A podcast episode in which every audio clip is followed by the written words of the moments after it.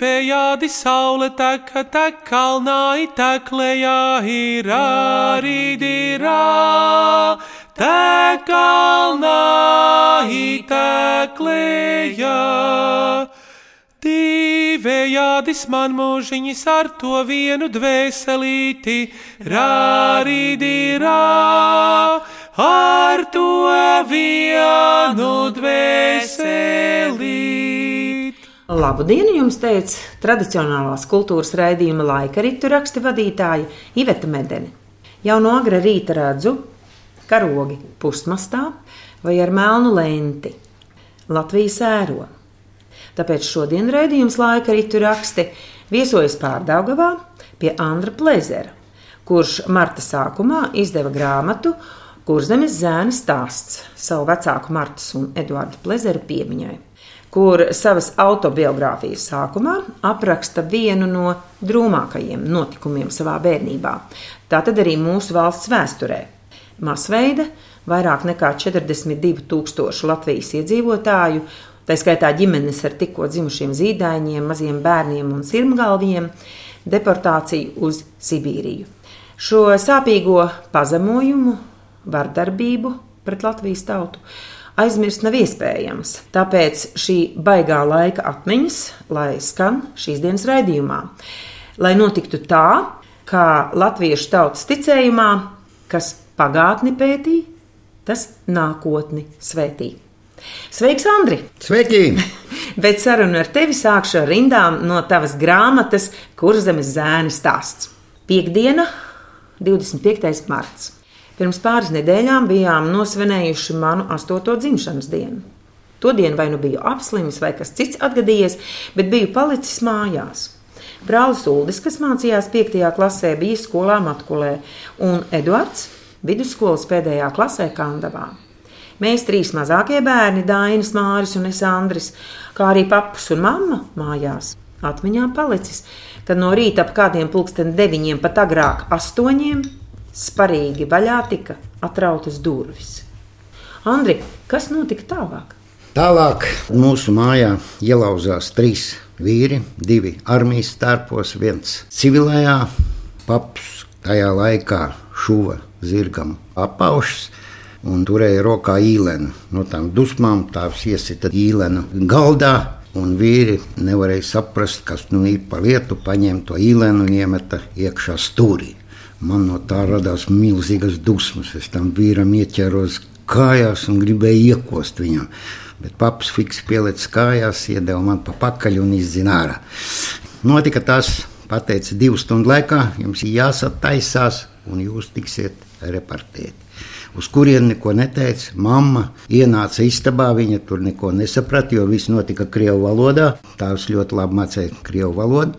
Mamma no tā noģība uzreiz un sākās viņas atdzīvināšanas process.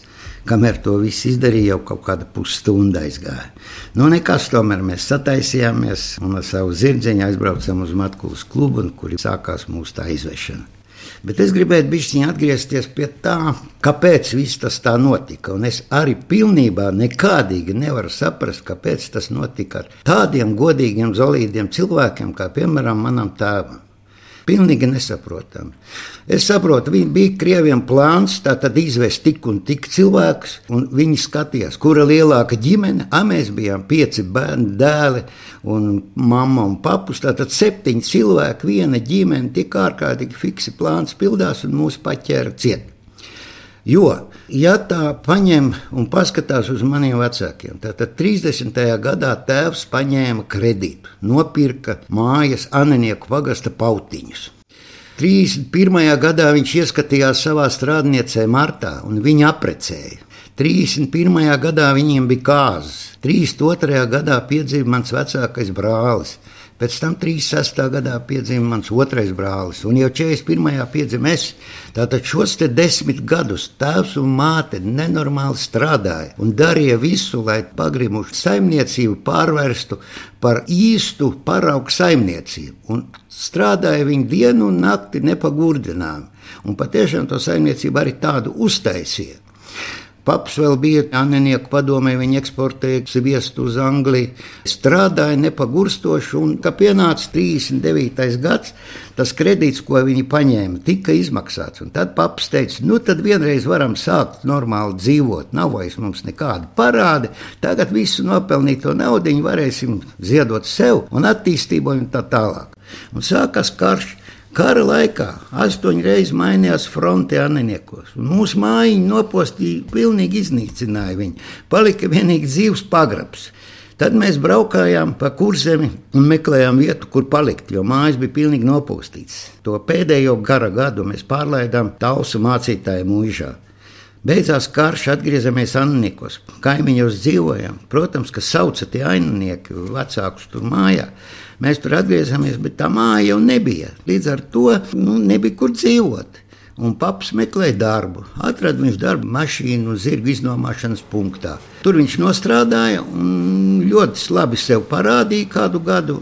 Pa Latviju dibinājās vairāki tādi zirgu iznomāšanas punkti. Un papu pārcēla darbā uz Matkuli. Tur viņi ielika par zirgu un mašīnu iznomāšanas punktu priekšnieku. Pārcēlāmies mēs uz to matkulu 47. gadā. Pusotra gada tur nodzīvojām, un te pēkšņi buh! Nabagus mums, kam it nekas nebija, ja? tikai tādi parasti strādnieciņi, ja tā var teikt. Īstais proletariāts. Jā, jā bērniņš pusotra gada vecs. Un mūsu 25. martā paņem un aizsūta uz Sibīriju. Nu, par ko? Nezinu, nevar izskaidrot. Nu, tālāk jau viss sākās tā, kā jau viņš tur ir visās grāmatās aprakstīts 25. martā, kā jau es te sākumā stāstīju. Mums bija jāsagatavojas divās stundās, mums aizveda. Jā, mēs nebijām tajos sarakstos pamatā, jo to mēs nokonstatējam ar to, ka no skolām tos bērnus, kurus vajadzēja izsūtīt, jau paņēma ciet.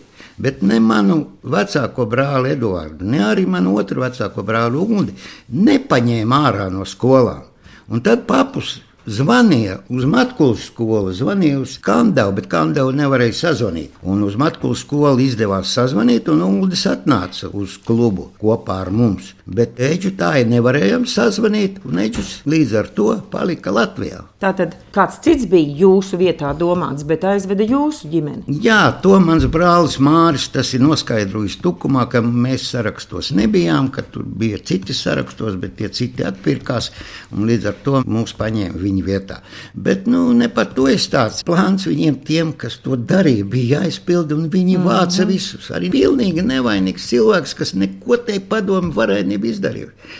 Paps nevienā partijā nekad nav sastāvējis. Jā, viņš bija īsts zemnieks, īsts Latvijas patriots, jā, bet lai viņš kaut ko būtu te padomu varējis darījis pretī, nu tā nebija. Viņš tikai tāds īsts proletariāts, kur paņēma un aizsūtīja uz astoņiem gadiem uz Sibīriju ar visu to, kas tur notika. Visām tām 40 dienām, pilnām, kad mums 25. martā paņēma.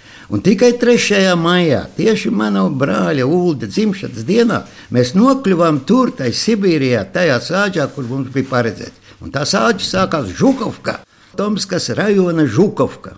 Jā, nu mums laimējās jāsaka ar to, ka paps 17. un 18. gadā mācījās Pēterburgā zootehnikumā. Viņš tur apguva visas tās lauksaimniecības zinātnes Krievijā. Un tajā laikā viņš iemācījās krievu valodu. Un tad jau Viņam jau uzreiz, jau tajā pirmajā vakarā, kad mēs tur ieradāmies, tajā Žukovkā, viņam uzreiz jau sagaidīja mūsu priekšsēdētājs. Viņš karā bija zaudējis vienu kāju, bet tas bija ļoti zolīts un normāls vīrs. Un Jau tajā pašā vakarā, kad paps teica, jā, šodien es atceros visu mūžu, jo manam dēlam vienam šodien ir dzimšanas diena, tad tas priekšsēdētājs teica, tā viņš saka, nu, это же надо отметить, надо идти в сельмак, jāiedzer. Paps teica, nekāda dzeršana nenotiks, jo mēs tai Žūkavkā aizbraucām papus, es un vecākais brālis Uldis, bet ceļā veselu mēnesi, cik mēs tur nodzīvojam tajā vilcienā, saslima mani abi jaunākie brāļi, un mamma kopā ar viņiem aizbrauca uz slimnīcu. Un pa viņiem mēs it nekādu ziņu nezinājām, apmēram nu, kādas trīs vai četras nedēļas. Prieksēdētājs bija prieksēdētājs, tas atbildēja par saimniecisko darbību. Bet tur bija komendants speciāls, kam bija jāuzrauga, ko visi šie izvestie dara. Un tu nekur tālāk soli pa savu māju nedrīkst spērt. Un ar to priekšsētāju papam radās diezgan labas attiecības. Un viņš viņu pierunāja aizbraukt uz Tomsku un pameklēt, kur ir mamma ar maniem mazākiem brāļiem, jo mēs nezinājām neko, kas ar viņiem notiek. Un tad kopā ar to priekšsētāju viņi arī aizbrauca uz Tomsku, atrada, kur tas ir. Jā, mani brāļi bija jau pa pusē jau izveseļojušies, bet mamma bija sakritusies nenormāli. Viņu tie doktori pateica, ārā mēs laist nevaram jo viņa līdz tai žūkavkai neaizbrauks. Es grāmatā lasīju, ka viņa arī asins deva saviem bērniem, lai viņi vispār jā, mans brālis, tāpēc maz, viņai tik slikti jā, veselība. Mans palika. mazākais brāčka, kuram bija viens gads un četri mēneši.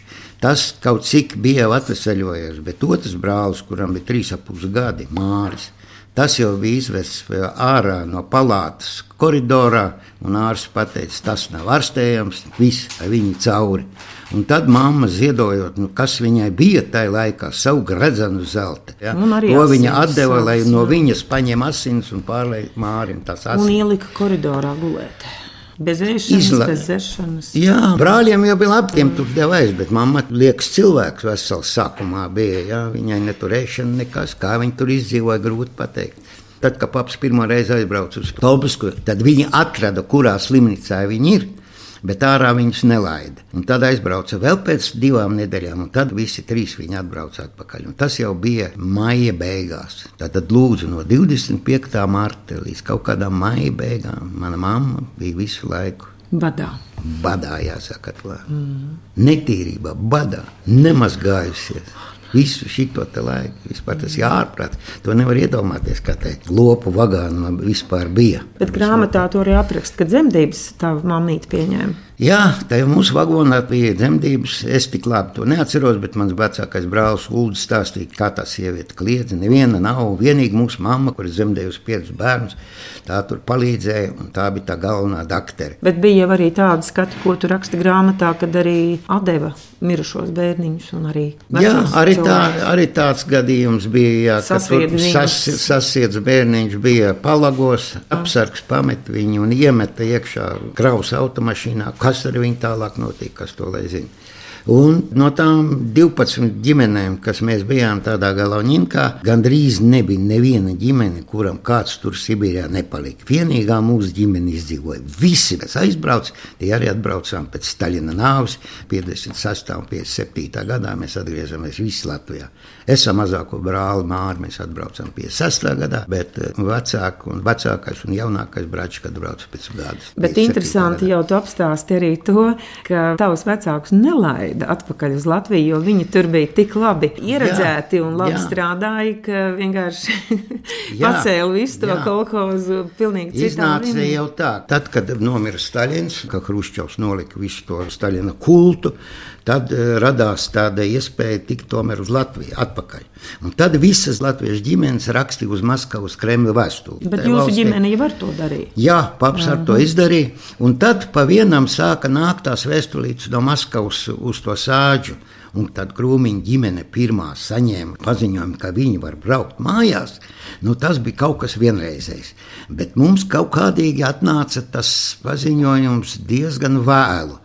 Jo es jau tur beidzu septiņas klases, un man bija 15,5 gadu. Un e, iznāca tas dekrets 55. gadā, laikam, ka bērni līdz 16 gadiem ir atbrīvoti no komendantūras. Un līdz ar to man jau bija 15,5 gadu. Oh, mēs jau nezinājām, vai mums atnāks tā ziņa, ka mēs varam visi braukt mājā, vai nevaram. Un līdz ar to tālākā izglītība tur nekāda. Nu, Māma sarakstījās šeit ar Latviju.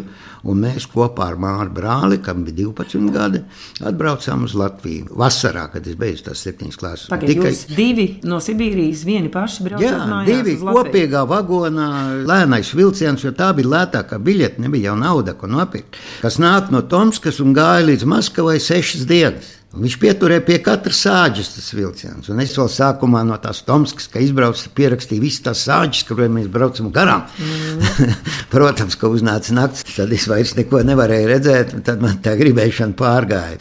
Jā, piecas dienas mēs braucām līdz Maskavai. Pēc tam tur no tās vienas stācijas, kurā viņš tur iegāja, tas vilciens bija jāpārbrauc uz otru stāciju, uz Rīgas stāciju.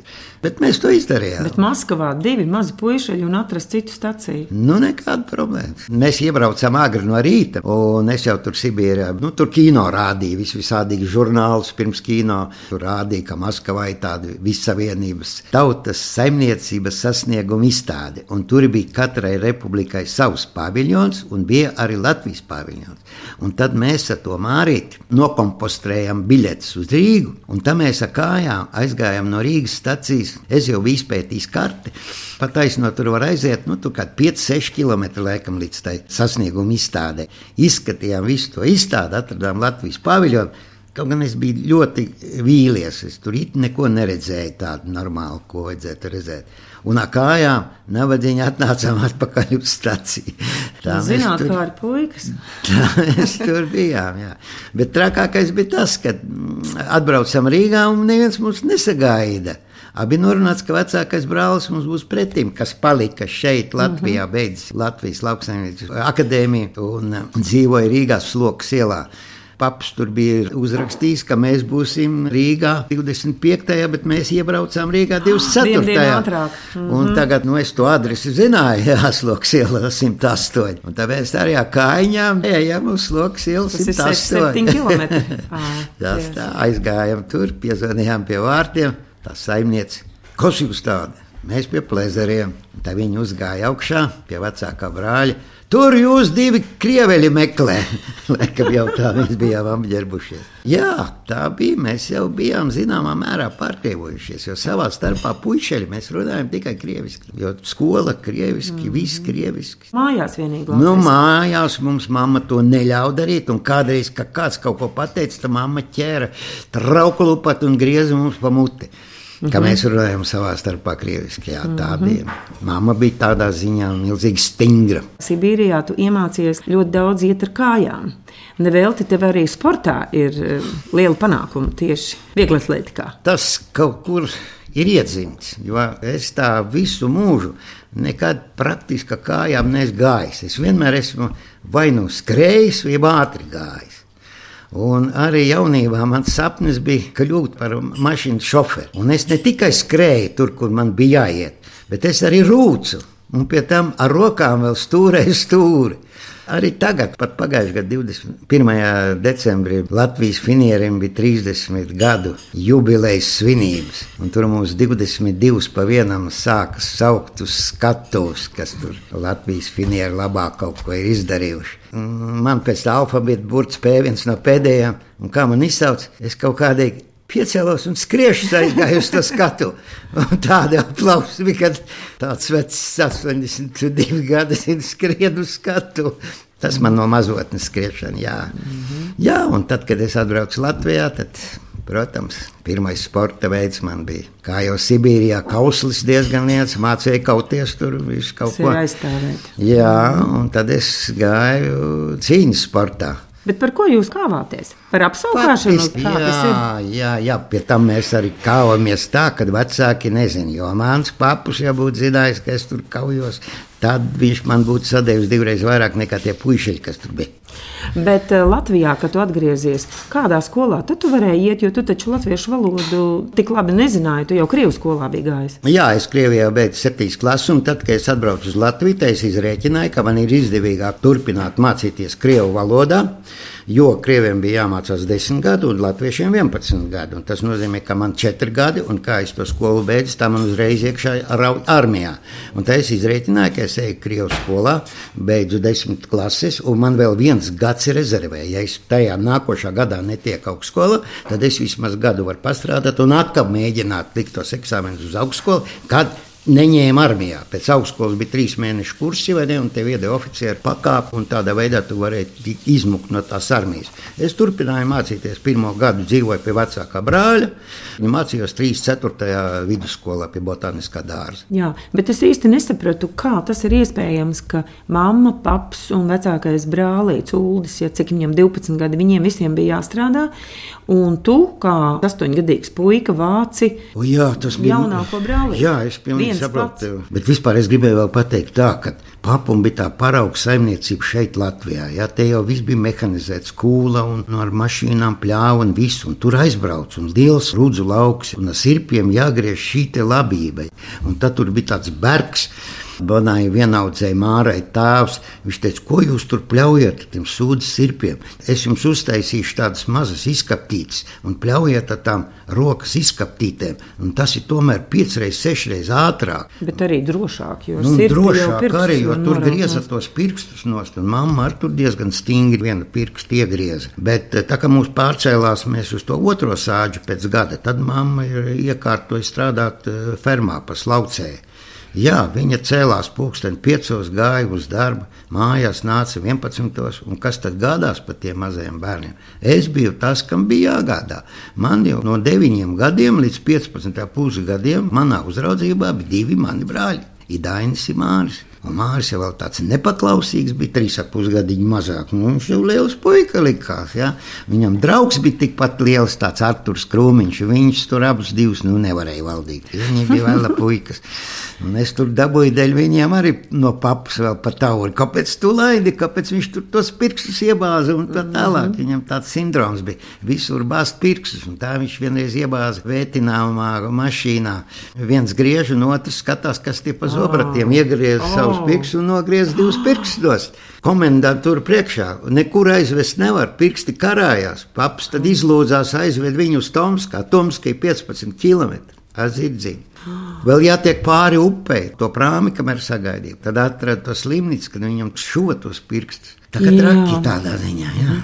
Bet kā tu tā, tos visus šos pārdzīvojumus, šo pazemojumu, tā var aizmirst tik viegli, vai tomēr šīs atmiņas pa laikam tev uzplaiksnī? Nu, man jāsaka tā, ka vecāki, protams, to uztver savādāk, un viņi arī pārdzīvoja to visu savādāk. Mums, bērniem, tas tā nu, vienkārši bija, un tā mēs to pieņēmām.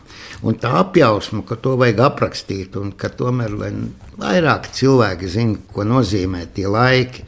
Kad nevainīgs cilvēks vienkārši paņēma un aizveda. Tas jau ir labi, ka aizveda, un mēs dzīvojam visi kopā. Bet 41. gadā un 45. gadā tos, kurus izveda, tiem jau daudz grūtāk bija. Un, piemēram, tai pašai Berga mārai, tas Bergs, jā, kolosāls vīrs, jā, tehnisks izglītots. Viņš nabaks bija trīs reizes paņemts un aizsūtīts uz Sibīriju. 41. gadā, 44. gadā un 49. gadā. Pirmās divas reizes vienu pašu, un otrā reizē viņu aizveda ar meitu, sievu un veco tēvu. Un vecam tēvam bija 95 gadi. Pēc pusgada viņš tur nomira. Un tā māra, mana vienaudzīta, tā milzīgi pārdzīvoja par savu veco onkulīti, ka viņš nomira. Padomājiet, manam brālim gads un trīs mēneši, a tur onkulīts Bergs 95 gadu un ņem un ved uz Sibīriju. Nu, kāpēc tas bija jādara? Ir neizprotami. Terors vienkārši. Radījumu nobeidzot, ko tu gribētu teikt mūsdienu jaunatnē? Dzīvojiet šodienai, priecājieties, ka jūs to varat darīt.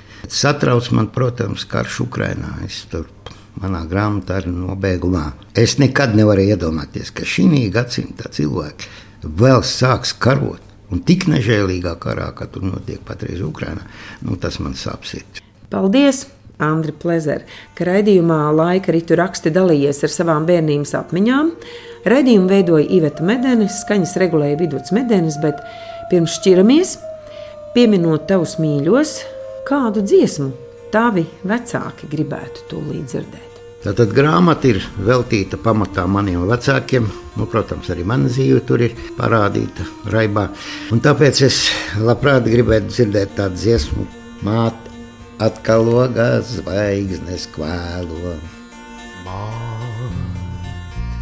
Atkal logā zvaigznes kvēlo. Māt, atkal logā pelēks vakars blāv. Māt, dziedīvēreišu klādziesmu, māt dziedīvēr, kā